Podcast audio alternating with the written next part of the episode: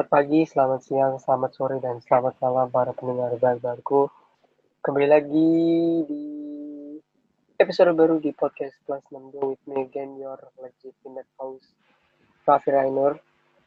Saya lagi gue tidak sendiri. Not one, not two, not one, not two, but three. Masih bersama orang-orang yang sama, karena recordingnya di hari yang sama, biar produktif aja.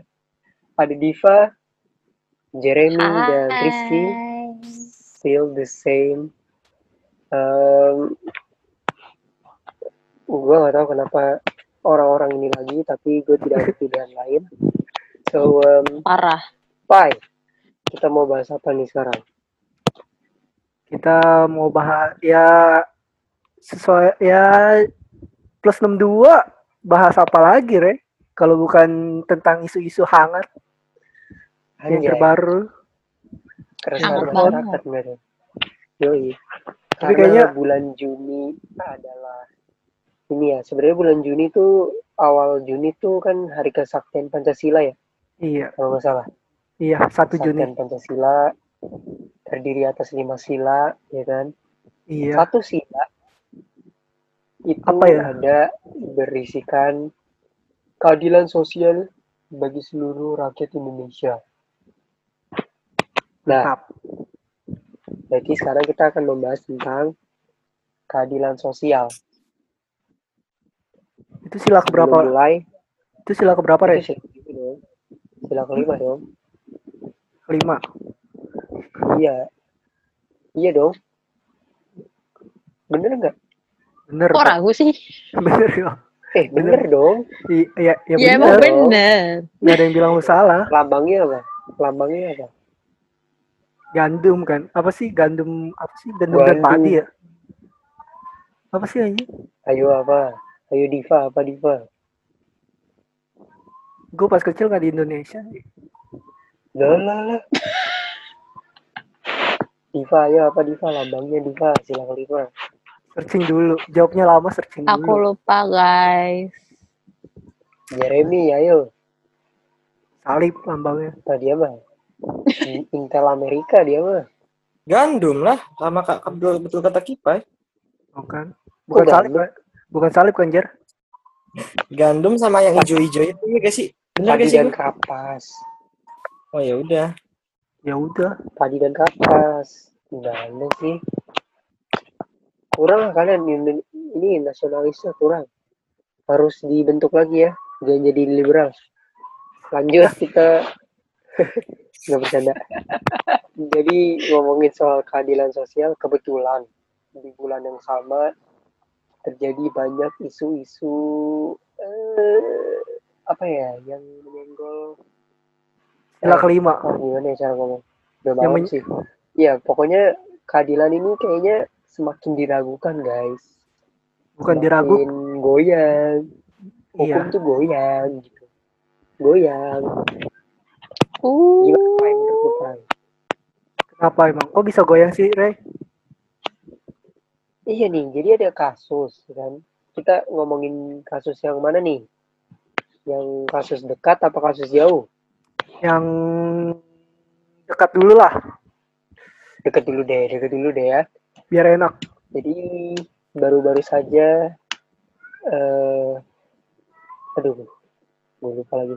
Baru-baru saja ini putusan eh Bapak Novel Baswedan ini diselesaikan ininya kasusnya di mana penyiram beliau penyiram air keras ke wajah beliau itu cuma diberikan eh penjara dituntut satu tahun penjara aja. ya Padahal tapi nyarinya tuh berapa tahun ya? Berapa tahun nyarinya? Tiga tahun.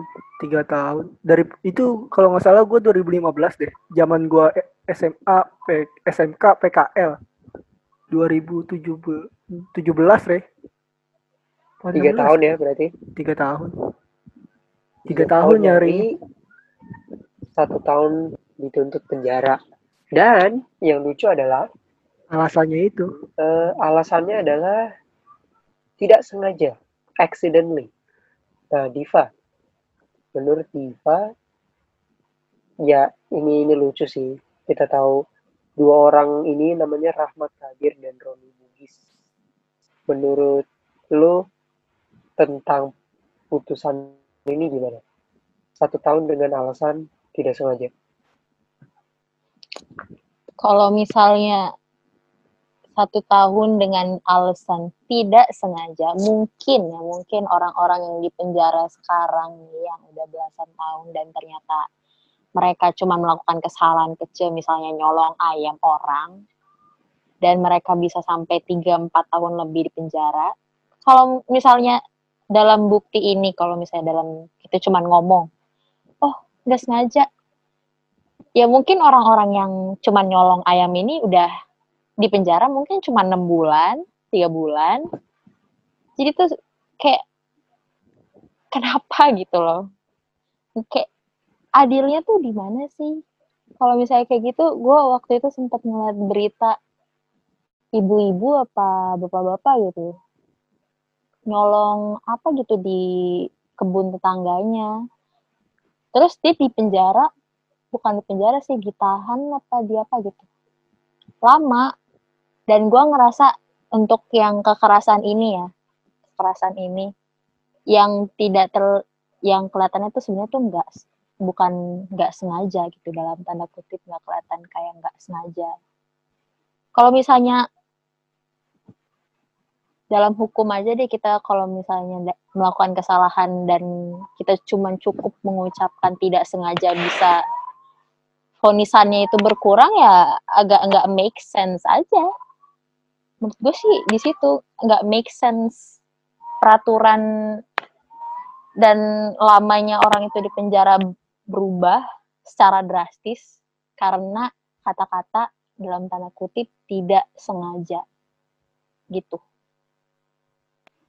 Oke, speaking of keadilan, menurut lu Jer, satu tahun, is it fair enough?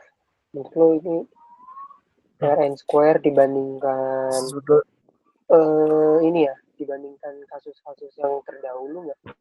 Satu tahun ya? Kalau dari kasusnya Pak Novel Baswedan, menurut gue, gue bingungnya gini, itu kan penyiraman nggak sengaja, katanya kan karena nggak sengaja maksudnya itu kan air keras ya masa air keras bisa ada orang gitu bisa loh kepikiran buat nyirem maksudnya itu air keras itu kan berarti ya dia tahu dong bahwa itu mengandung zat-zat yang berbahaya terus kok bisa bisa kena sampai muka seseorang gitu menurut gua nggak ada sih orang yang nggak ada orang yang mau ngelakuin itu gitu loh walaupun dengan alasan misalnya nggak sengaja maksudnya kok bisa sampai kena muka gitu misalnya Terus kan kalau misalnya dari kasusnya Pak Novel nih, itu kalau nggak salah kejadiannya subuh, iya gak sih? Dulu. Lu lagi sholat subuh ya, Abis sholat, abis Pak yeah. Novel sholat, kan abis itu dia diserang. Yeah. Dan menurut gua, masa sih, uh, gimana ya, kayaknya nih, ini kan kasusnya sebetulnya dari dari tahun yang lalu, iya gak sih? Dari setahun yang iya. lalu, dua tahun, baru sekarang tahun. nih. Eh, berarti udah bertahun-tahun yang lalu ya dan itu iya. penyelesaiannya lama banget dan udah selama itu udah selama itu hukumannya cuma setahun menurut gua itu. Ya nggak tahu. Menurut lo ini kasus lama itu karena apa Jir? maksudnya ya ya karena apa Kurang tahu sih gua nggak mau terlalu berspekulasi. Gue juga nggak ngerti sih kenapa bisa sampai selama ini. Dulu juga kan yang yang ketemunya aja yang pelakunya ini lama banget gitu kan. Iya betul. Nggak ngerti deh gue apakah terjadi nah, sandiwara? Hmm. baik lagi pai kenapa dia cuma dapat satu tahun penjara? Apakah ada some kind of games permainan dalam ya gue nggak tahu ya ini mungkin lu bisa spekulasi. Kalau tidak ya jelaskan tapi satu tahun itu logis gak sih menurut lu? Enggak lah men. Seenggaknya ya kita tahu apa nyari pelakunya aja berapa tahun masa iya dihukumnya cuma setahun iya sih ya pasti ya, ada sumpah habis masa iya Masa iya lu nggak tahu da- eh, orang di balik itu siapa? Oh ada orang di balik ini. Siapa Rey? Nggak tahu lah. That's why I'm asking. Karena Ya. kalau ngomongin tadi yang kayak Diva ngomong, yang ada siapa di ibu-ibu, nenek-nenek. Nenek-nenek itu nenek-nenek deh kayaknya deh. Yang Iya nyuri gua, men. Masa iya lu dengan dalih tidak sengaja bisa dapat segampang itu? Ya maksudnya kalau bu, gua denger statement dari Jeremy ya iyalah. Masa iya nggak sengaja lu rela untuk bangun pagi, ya kan? Rela dong. Berarti kalau bangun pagi, kalau tidak Itu- sengaja tapi bangunnya siang, itu udah niat. sense. Dia bangun pagi loh. Be- beda loh ya. Jadi kan iya bangun pagi tuh udah ada itikat gitu menurut gue. Dan ketika lu bangun pagi terus Bukan- nyiram.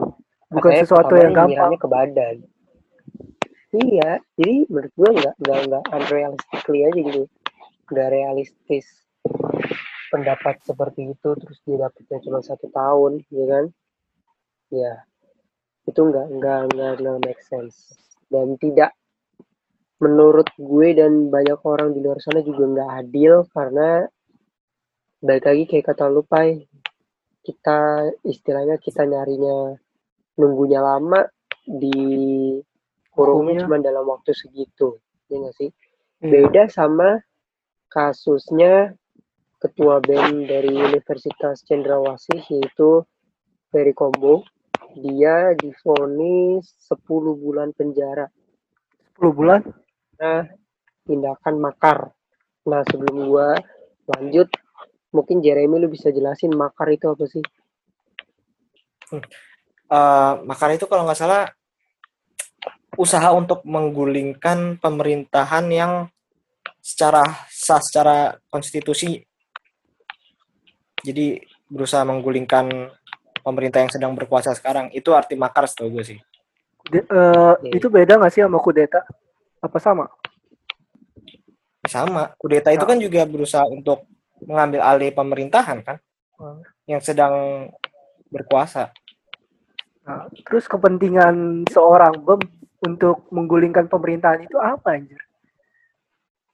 iya karena di sini gue tergantung eh, konteksnya ketua sih. BEM-nya sebenarnya dia cuma mengangkat isu rasi dia tuh rasisme cuma iya isu Iya nggak kayak dia menganggap bahwa ada orang Papua yang tidak diperlakukan dengan adil ya kan? Terus tiba-tiba dianggap makar gitu kan? Itu kan problematikanya gitu. Padahal menurut gua maksudnya saat ada warga negaranya yang merasa bahwa dia tidak diperlakukan dengan sama dengan orang lainnya justru seharusnya kan negara mendengarkan hal itu gitu loh lu cari Iya. tahu penyebabnya kenapa sih Berarti- dia bisa merasa seperti itu itu Berarti dia kayak menuntut keadilan bagi kaum dia juga gitu ya? untuk masyarakat Papua dalam hal Masyarakat. konteks ini kan Iya betul. Enggak enggak yang enggak make sense adalah eh berarti dia memperjuangkan keadilan kan kayak kata lu tadi, Iya. kan? Dalam hal ini adalah isu rasisme. Tapi kenapa dia yang memperjuangkan keadilan malah dijatuh, dijatuhkan vonis 10 bulan? Di orasinya itu ada ada tertera maksudnya ada kata-kata atau pendapat bahwa dia tidak suka dengan pemerintah nggak sih?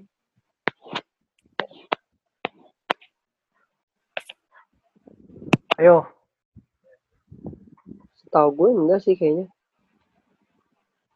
eh, Diva mungkin tahu masalah ini. gue sendiri personally kurang tahu ya soal masalah yang BEM dari Universitas Cendrawasih itu. Gue kurang mendalami dan bukan berarti gue nggak tertarik karena gue belum mendalami banget aja tentang masalah itu. Kalau mis yang gue lihat ya kalau nanya itu ke gue, gue nggak bisa ngasih answer yang eh, bener ya kayak gimana. Jadi Nih. Em, setelah kasus ini banyak bertebaran di Twitter gue lihat ya eh, menggaungkan kembali sila kelima yang tadi gue bahas di awal yaitu keadilan sosial bagi seluruh masyarakat Indonesia. Bagi seluruh rakyat Indonesia. Tapi yang diupload adalah dengan tanda bintang syarat dan ketentuan berlaku katanya. Speaking of keadilan sosial menurut Diva eh, menurut lu apakah sila kelima sejauh ini yang lu lihat selama lu hidup sekarang sampai sekarang udah terlaksana dengan baik atau belum? Baik means bukan berarti berhasil ya, tapi at least Jalankan. sudah merata. Menurut lu sudah atau belum? Hmm, menurut gue ya.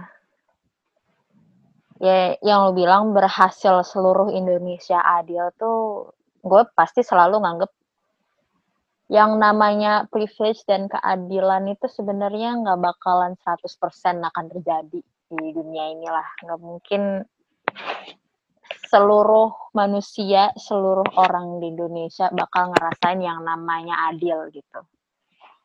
Dan kalau misalnya dibilang dari sila kelima keadilan bagi seluruh rakyat Indonesia, ya kalau misalnya mayoritas ngerasa adil, sebagai negara Indonesia menurut gue tuh orang-orangnya udah cukup adil. Namun terkadang tuh keadilannya agak mencong sedikit gitu loh, nggak nggak nggak sesuai apa yang dikatakan di Pancasila. Maaf ya karena ini ngebawa Pancasila dan ini agak sedikit sensitif dan siapa tahu pihak di luar sana ada punya opini yang berbeda. Itu suara apa?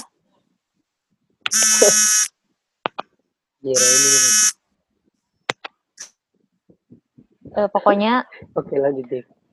kalau dibilang adil Indonesia tuh mayoritas adil, tapi kadang-kadang adilnya itu ada kasus di mana yang keadilannya itu agak dipertanyakan lah.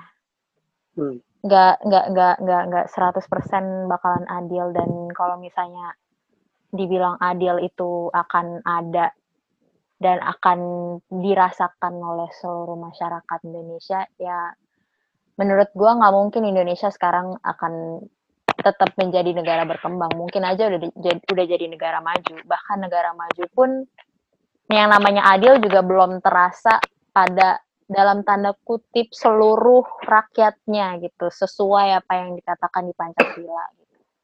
Dan menurut gua ini agak sensitif tapi menurut gua Pancasila sila kelima keadilan sosial bagi seluruh rakyat Indonesia itu konteksnya luas. Jadi kalau misalnya disambungin ke mana-mana itu bisa. Seluruh rakyat itu dalam maksudnya apa gitu. Kalau beneran keadilan secara hukum dan sebagainya, ya nggak mungkin 100% orang itu akan ngerasain yang namanya adil. Dan nggak mungkin juga kalau misalnya mengadil semua, nggak mungkin ada orang miskin sekarang. Itu aja sih, mindsetnya sih di, di situ aja.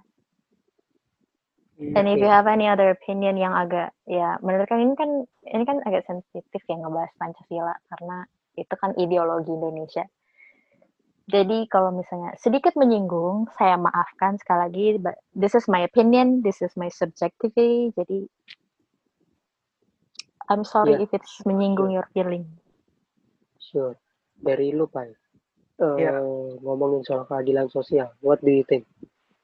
Ya, gue setuju sih sama pendapat Diva kalau keadilan itu nggak 100% bakalan terjalani. Soalnya ya kemiskinan semuanya masih bukan kemiskinan, bukan kemiskinan sih. Ya masih banyak keadilan di dunia di dunia ini bukan di Indonesia aja yang belum terjalani. Soalnya apa ya? Misalnya bagi lu adil, tapi bagi orang tuh belum tentu adil. Pasti ada yang namanya penyakit hati, iri hati. Kan ini negara demokratis. Oh, siap, Ya. siap. negara demokratis. Pokoknya negara ini membebaskan yang namanya suara kalian. Kalian boleh bersuara dan pemerintah tidak akan melarang. Nah, Syarat dan ketentuan Itu dia, berlaku. Bicara. itu dia dia ngomongin soal membebaskan suara. Ini kayaknya Jeremy udah bisa ngomong atau gimana? Soalnya menarik gue tanyakan kepada Jeremy nih. Soal kebebasan berpendapat kebebasan bersuara lah. Eh, ini ini contoh kasus saja baru baru baru ini bintang Emon salah satu stand up comedian dia kena eh, dia menyampaikan dia sebenarnya kalau gue lihat ya dia itu eh, hanya apa ya, sarcastic being sarcastic cuman menyentil apa yang terjadi pada kasus novel Baswedan. Tapi dia malah istilahnya dapat buzzer. Ya gitulah pokoknya. Dituduh narkoba dan segala macam. Suaranya berusaha untuk dibungkam. Aside of that case. Menurut lu Jeremy kalau lu denger ini? Eh kebebasan berpendapat di Indonesia sudahkah mencapai batas keadilannya jadi orang udah bisa nggak sih sebenarnya eh kebebasan berpendapat ini dilakukan di negara kita Kalau menurut gua belum sih. Menurut gua eh, dengan kayak misalnya nih undang-undang yang ada nih sekarang. Kayak misalnya lu tersinggung nih dengan omongan gua. Terus kan akhirnya kayaknya gue bisa seolah-olah dituntut nih atas pencem eh bukan pencemaran nama baik sih, lebih tepatnya yang apa tuh? Eh, perilaku tidak menyenangkan gitu kan. Yep. Misalnya nih, kalau misalnya dalam rangka kebebasan berpendapat, menurut gue ya saat ada orang nih ngomong, terus dia lu nggak enak nih, menurut gue itu urusannya bukan di dia, tapi bagaimana lu menanggapi. Jadi freedom of speech itu kan melindungi orang untuk berbicara apa aja, kecuali mengancam ya. Kalau mengancam itu udah beda lagi karena karena kan di situ ada ancaman, berarti eh, melanggar kayak Kayak seorang itu kan berhak untuk hak mempunyai hak untuk bebas dari ancaman. Nah, saat lu ancam berarti itu udah ada pelanggaran terhadap hak menurut gue di situ. Tapi eh, kalau misalnya kebebasan berpendapat ini kan sebetulnya orang mau ngomong apa aja itu boleh. Itu ranah freedom of speech itu seperti itu gitu. Urusan kayak misalnya oh tapi kan kebebasan ada batasnya. Nah, menurut gua ke- kebebasan batas kebebasan ini nih yang bisa diomongin lagi. Menurut gua kebebasan yang ba- kebebasan memang ada batasnya tapi batasnya itu adalah eh, hak orang lain gitu jadi maksudnya hak lu itu terbatasi oleh hak orang lain bukan bukan dengan oh karena gua tersinggung jadi dia nggak boleh ngomong gini.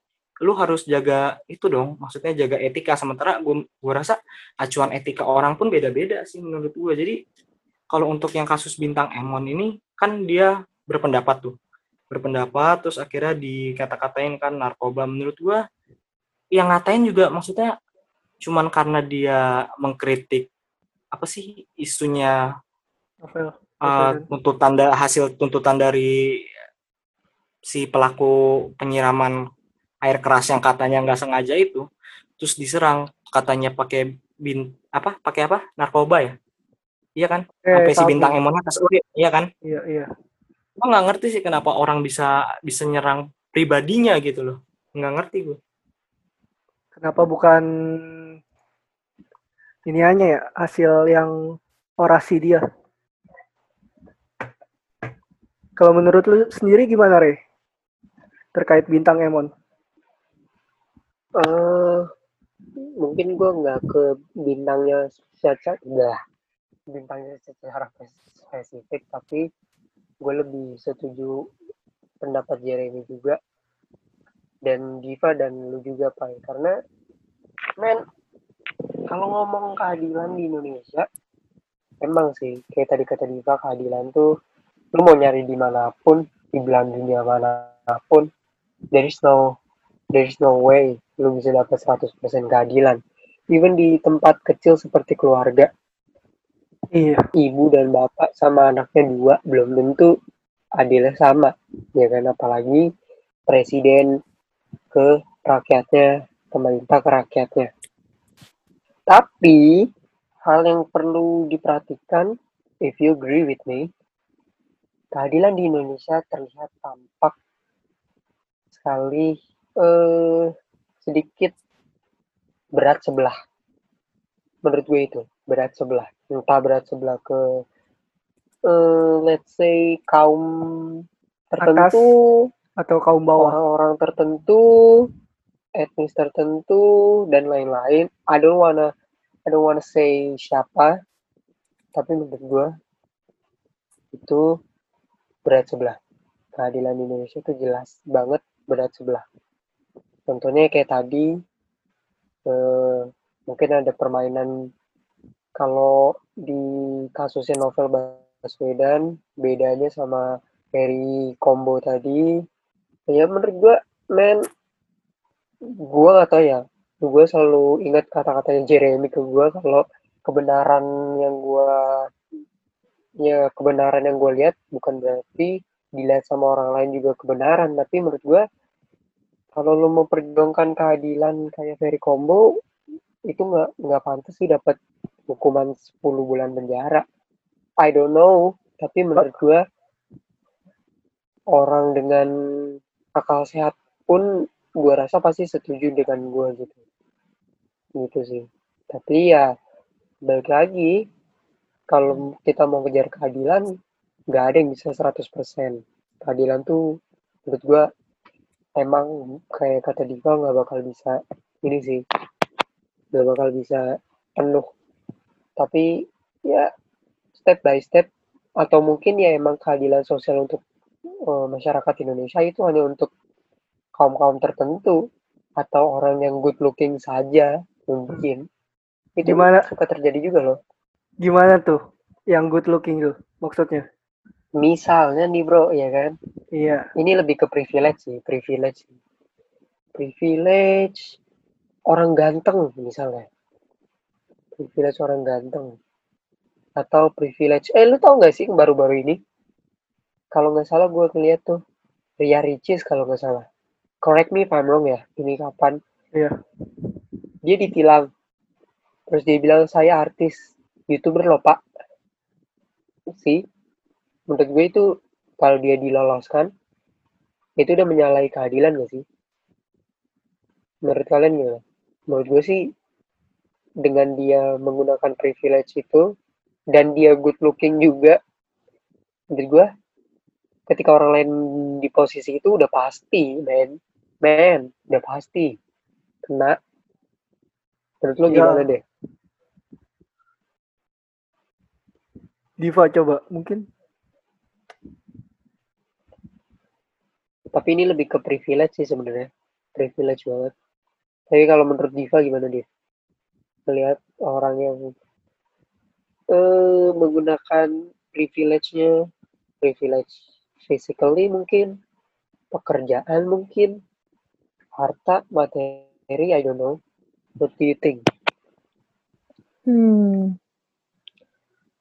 Gue mau bilang gini ya, privilege itu pasti datang di seluruh orang yang udah mencapai titik di mana mereka merasa sukses. Dan titik bagaimana masyarakat melihat sukses itu kayak gimana. Ya, itu itu privilege. Dan kalau misalnya seorang memakai privilege, eh, dibilang boleh dan nggak boleh tuh gue nggak bisa ngerasa mereka itu nggak boleh sepenuhnya dan gue nggak bisa bilang mereka eh, boleh sepenuhnya eh kalau misalnya dari kasus yang Ria Ricis emang nggak adil terkesan nggak adil. But gini deh kalau misalnya kalian bikin sim kalau kalian bayar kalian nyogok misalnya bayar misalnya 200 atau berapa gue nggak tahu ya kalau kalian bikin sim tuh kayak gimana. That means a privilege. Itu privilege daripada orang-orang yang membuat sim manual dan nggak bayar sama sekali jadi eh, kalau privilege itu tergantung kalian nanggepinnya kayak gimana. Tapi untuk kasus-kasus besar ya kalau kasus-kasus besar yang benar-benar menyenggol dari misalnya hak asasi manusia atau keadilan eh, perat- eh, pasal keadilan atau segala macamnya dan menggunakan privilege-nya misalnya mereka sebagai DPR mereka punya backingan segala macam itu nggak adil. Itu benar-benar nggak adil karena bagi orang yang benar-benar di bawah dan nggak punya resource untuk dapat keadilan itu itu emang gimana ya gue jelasinnya ya? kalau misalnya gue sih lebih ke privilege itu di kasus besar aja ya kalau misalnya di kasus kayak misalnya cuman kayak sekedar polisi segala gitu gitu that's that's you that's up to you Eh, gimana perspektif yang eh, ngelihatnya tapi kalau gue nganggap keadilan itu sebagai perspektif sih. Jadi kalau misalnya orang sebagian orang nganggap ini adil dan sebagian orang nganggap ini nggak adil. Maybe if you're a DPR dan rekan DPR lu ngelihat lu nyogok maaf ya nyogok atau misalnya menggunakan backingan gitu untuk mengeluarkan lu dari masalah that's adil menurut mereka tapi menurut kita orang-orang yang tidak dapat privilege itu itu gak adil make sense gak sih Iya. maksud gue tuh Got it, I got it. I got your point. Karena jadi tuh itu balik gue. lagi Lanjut, lanjut. jadi tuh menurut gua yang namanya adil itu perspektif dan yang namanya privilege itu tergantung udah di titik, di titik sukses mana kalian di mata masyarakat gitu kalau misalnya kalian Oh. belum sukses dan misalnya kalian belum misalnya mencapai kayak DPR dan segala macamnya kalian berarti ya belum dapat privilege yang dan dan belum merasakan keadilan. Just think of it like kalau misalnya kalian di posisi mereka apa yang kalian lakukan adalah tindakan kalian sendiri. Bisa aja kalian makan omongan sendiri. That's just how it is.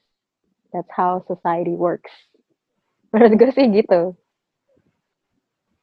Oke. So the last eh, mungkin dari Jeremy menanggapi eh keadilan sosial bagi orang-orang tertentu. Menurut lo gimana Jer? Orang yang menggunakan hal itu mempermainkan keadilan istilahnya. What do you think? Kalau adil dalam ranah hukum, menurut gua, ya semua orang kan emang, maksudnya hukum itu kan dibuat untuk mema- memayungi semua pihak gitu kan. Jadi tanpa memandang dia siapa dia siapa, kalau emang dia terbukti melakukan pelanggaran hukum, dia harus di dijatuhkan hukuman sesuai dengan apa ya, sesuai dengan ya perilaku yang udah dia perbuat gitu. Tapi kalau misalnya dipermainkan, nah itu nggak boleh karena hukum itu kan bukan dibuat untuk orang-orang yang punya power gitu sehingga mereka saat melakukan segala sesuatu bisa nyogok. Misalnya itu nggak bisa. Hukum tetaplah hukum gitu. Tapi kalau misalnya bahasnya tentang apa hak-hak istimewa yang kita bahas menurut gua, gua ada setuju sama Diva, tergantung konteksnya.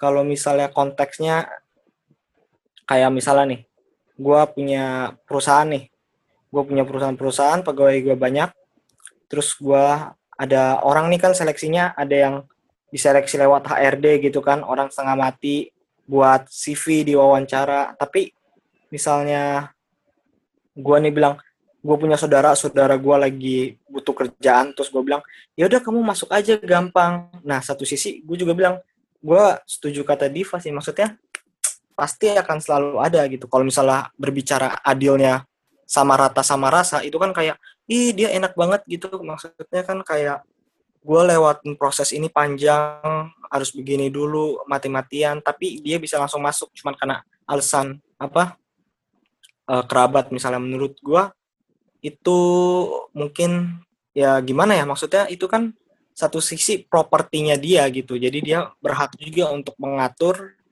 eh, properti hak propertinya dia gitu. Cuman kalau misalnya untuk lembaga-lembaga pemerintah menurut gua enggak ya karena itu kan lembaga yang maksudnya sangkut pautnya luas banget gitu ke masyarakat jadi menurut gua kalau untuk pemerintah kalau untuk lembaga pemerintahan itu lu harus tetap dengan itu sih kemampuan bukan dengan privilege kalau lu mau masuk lembaga-lembaga pemerintah gitu sih Ri.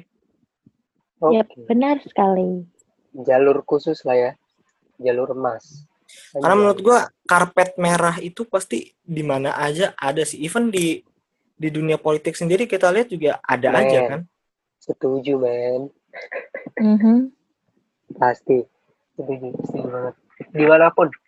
di mana pun bidang apa pun pasti ada Jen itu juga bidang apa pun Ya, mau bagaimana dia bisa dalam tanda kutip kalaupun ada privilege itu dia bisa memanfaatkan untuk sesuatu yang bermanfaat sih kalau gua.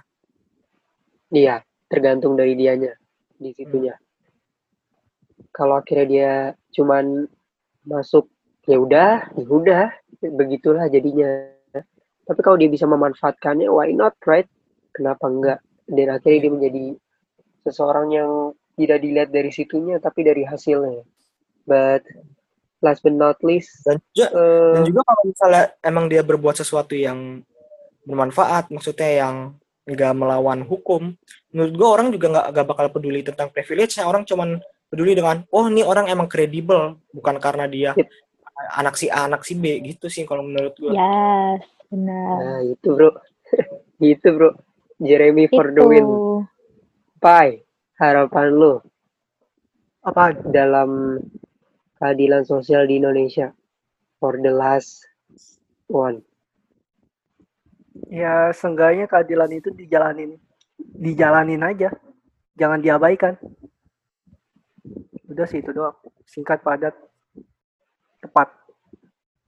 Enggak sih itu nggak padat. Ya udah sih, ya maaf, banget, Pai. emang Parah banget. dia mau mematahkan Tapi- argumen gue mulu anjing. Ya, Ya nggak apa-apa sih. karena Ya, nggak kalian apa-apa sih. berdua basically adalah jodoh yang tertukar. But uh, apa sih gue? Eh, karena ini sudah larut, kita ini adalah podcaster pagi dalam sejarah podcast plus 62.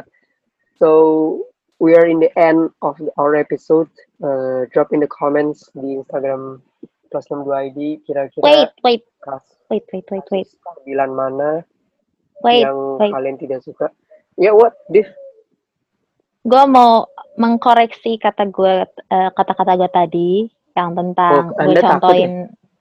Enggak, enggak, ya, ya mungkin. Oh, lanjut, You never know. lanjut, lanjut.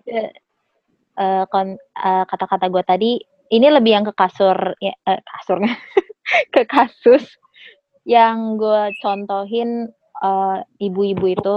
Itu sebenarnya nenek-nenek namanya nenek Asyani. Dan dia nggak dia nggak nggak sampai bertahun-tahun tiga empat tahun. Dia cuma satu tahun aja. Tapi dia cuma mencuri kayu dan itu karena alasan sebenarnya alasan yang yang yang gimana ya? Karena dia punya masalah sendiri sih dan dia membutuhkan juga. Itu aja sih. Gue cuma mau mengkoreksi itu. Jadi orang yang gue sebut tadi itu adalah nenek Isyani dan dia difonis satu tahun. Terima kasih. Alright. Alright, alright. Yang lain Iya. mungkin sebelum kata-kata terakhir mau promote Instagram lagi nggak tuh? Oh, udah. Kan kemarin. Di Udah. episode satunya kan udah, bro. Mungkin kata-kata terakhir sebelum ada tukang bakso. Naik ke atas. Misalnya, Pai. We, we, we never know. We never Yes. know. But, intinya, keadilan sosial bagi seluruh rakyat Indonesia. eh jangan lupa ingat, sila kelima itu lambangnya padi dan kapas, bukan gandum. See you next time in the next episode. See you next time. Bye.